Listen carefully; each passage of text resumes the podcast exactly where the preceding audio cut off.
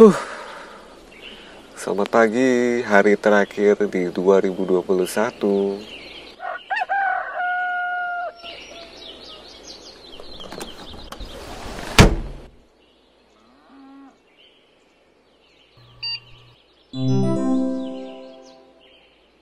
Hmm, hmm, hmm. Resolusi tahun 2022. Huh. Semoga bukan cuma ekspektasi. Satu, makin rajin ibadah. Dua, lulus kuliah tepat waktu. Tiga, hmm, kurangin rebahan. Empat, keuangan makin baik. Lima, apa ya? Menang, menang giveaway artis. Boleh kali ya. hmm, apalagi ya? Jangan sampai ngulang resolusi tahun kemarin deh. Ternyata nggak diwujudin juga. Aduh. Lah, gimana nanti? Wih, siapa nih? Assalamualaikum. Halo, gimana mak? Jadi kan? Waalaikumsalam. Halo, Man. Mohon maaf ya. Ya, halo mak. Waduh, maaf gimana mak? Bisa kan kamu hari ini? Iki loh, Man. Maaf aku nggak bisa collab podcast sama kamu. Walah, kok nggak bisa toh? Ada acara po? Oh, oh Man, aku harus mudik. Bokku udah nunggu di rumah eh. Oh walah. Ya udah deh, nggak apa-apa. Hati-hati ya. Salam. Siap, Man. Maaf banget ya. Oh, oh iya iya. Besok-besok kabarin ya. Oke. Ya wis, aku pamit. Assalamualaikum. Yo, waalaikumsalam. Waduh, konsep udah siap, naskah juga udah siap. Lombanya tinggal besok. Udah kuduga nih, pasti pada mudik kan? Ah, ya udahlah, sendirian aja pak ya. Oke deh, Bismillah. Semoga aja nggak ada yang ganggu. Satu, dua, tiga. Hai, aku Lukman. Selamat datang di podcast teman-teman. Podcast teman-teman akan menemanimu dengan obrolan atau kisah menarik di setiap episodenya. Selamat mendengarkan ya.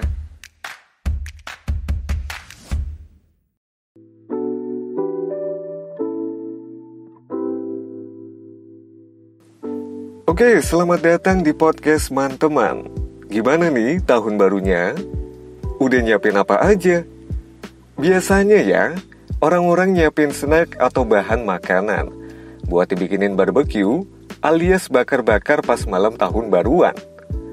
Beh, seru banget ya. Apalagi bisa ditemenin sama si doi atau minimal orang terdekat lah. Iya nggak? Tapi ada satu hal yang nggak boleh ketinggalan kalau menyambut tahun baru.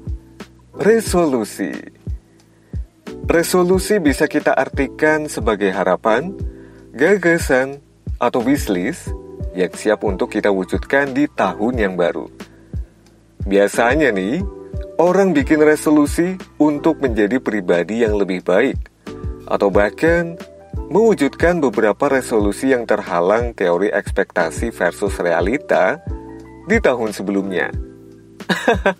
Bang sedih ya?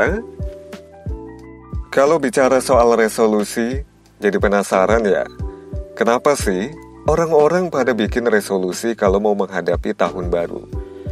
Padahal kan setiap hari kita selalu membuat harapan ya. Tapi sayangnya, yang ada malah harapan palsu. Menurut beberapa sumber, ada dua versi sejarah terkait tradisi membuat resolusi tahun baru. Versi pertama, sekitar 4000 tahun lalu, masyarakat di Babilonia mengadakan festival Akitu. Perayaan ini diperingati sebagai kelahiran kembali Dewa Matahari bernama Marduk. Maka mereka berjanji berada di sisi kanan semua dewa mereka. Dan ketika membuat resolusi atau harapan, Cara ini dapat membantu mereka memulai tahun baru dengan tepat. Sedangkan versi kedua, sejarah mencatat bahwa membuat resolusi tahun baru muncul sebagai ungkapan oleh masyarakat wilayah Amerika Serikat dalam koran Boston yang terbit pada 1 Januari tahun 1813. Mereka membuat resolusi tahun baru karena mereka telah merasa melakukan kesalahan di sepanjang bulan Desember. Dan dengan membuat resolusi tahun baru, diyakini dapat menghapus semua bekas kesalahan mereka. Begitu kisahnya. By the way, kalau ngomongin resolusi tahun baru, mirip-mirip lah ya sama ambisi. Ada fakta menarik nih. Dikutip dari beberapa sumber, generasi Z alias generasi yang lahir antara tahun 1996 hingga tahun 2012 dikenal paling ambisius. Karena mereka selalu ingin mencapai tingkat tertinggi dalam karir dan tampil sebagai individu. Contoh lainnya adalah karena kebanyakan generasi Z itu kan suka mengalokasikan uangnya ya untuk berlibur, belanja, dan juga aktif menggunakan media sosial. Nah, kamu termasuk juga nggak nih? Soalnya sebagai seorang yang termasuk generasi Z, aku termasuk tipe ambisius ini. Nah, kalau kita amati generasi Z alias anak muda zaman sekarang, ini punya resolusi atau gagasan yang variatif. Dan cita-citanya sih pengen mengguncang dunia. Wede. Seperti perkataan presiden pertama kita, Insinyur Soekarno. Beri aku 10 pemuda, niscaya akan kuguncang dunia. Tapi, tapi, tapi, sayangnya agak sedikit ironi nih. Misalnya punya banyak impian, tapi hobinya rebahan. Suka ngobrol bareng teman atau jalin relasi dengan orang baru, tapi jarang banget komunikasi sama orang tua atau keluarga. Terus lihat saldo banyak, langsung dipakai buat hedon atau belanja. Belum lagi dikit-dikit merasa insecure. Dan akhirnya pengaruh ke kualitas spiritual kan? Walaupun gak semua anak muda atau dirimu termasuk dari fakta ini, ada baiknya kita ubah deh. Oke, kita bisa memetakan terlebih dahulu resolusi atau gagasan yang ingin kita capai di tahun depan. Tepatnya mulai dari diri sendiri. Lebih jelasnya seperti ini. Langkah yang pertama, daripada kita rebahan mulu nih, lebih baik kita cari kegiatan produktif. Misalnya ikut pelatihan, workshop, atau lomba yang sesuai dengan minat kita. Lumayan juga kan? Hitung-hitung tambah ilmu, sekaligus meningkatkan keterampilan juga. Langkah yang kedua adalah meluangkan waktu untuk berkomunikasi dengan orang tua. Sadar nggak sih, banyak teman-teman kita di luar sana yang terpaksa merantau jauh dari orang tua Sedangkan kita yang masih setiap hari bertemu dengan orang tua, cuakin begitu aja. Alasannya sih, karena kesibukan masing-masing. Jadi, manfaatkan yuk waktu luang kita untuk lebih meningkatkan komunikasi dengan mereka. Langkah yang ketiga ini, menurutku yang paling relate ya, yakni mengurangi kebiasaan hedon, alias foya-foya, alias menghamburkan uang ya, saudara-saudara Daripada dipakai habis untuk urusan yang cuma senang sesaat, lebih baik kita alokasikan sebagian dana yang kita punya, misalnya untuk tabungan atau investasi lainnya yang bisa berguna di masa depan. Kemudian langkah yang keempat, ini juga sebenarnya lagi tren, yaitu melatih diri kita untuk bisa menerima diri, atau bahasa kerennya self-acceptance. Karena kita harus sadar bahwa apa yang orang lain punya atau yang mereka rasakan belum tentu baik untuk kita. Sebaliknya di dalam diri kita pun begitu. Kalau kemampuan kita nggak sanggup, ya jangan dipaksain dong, biasa pakai orang lain. Nanti yang ada kita capek sendiri.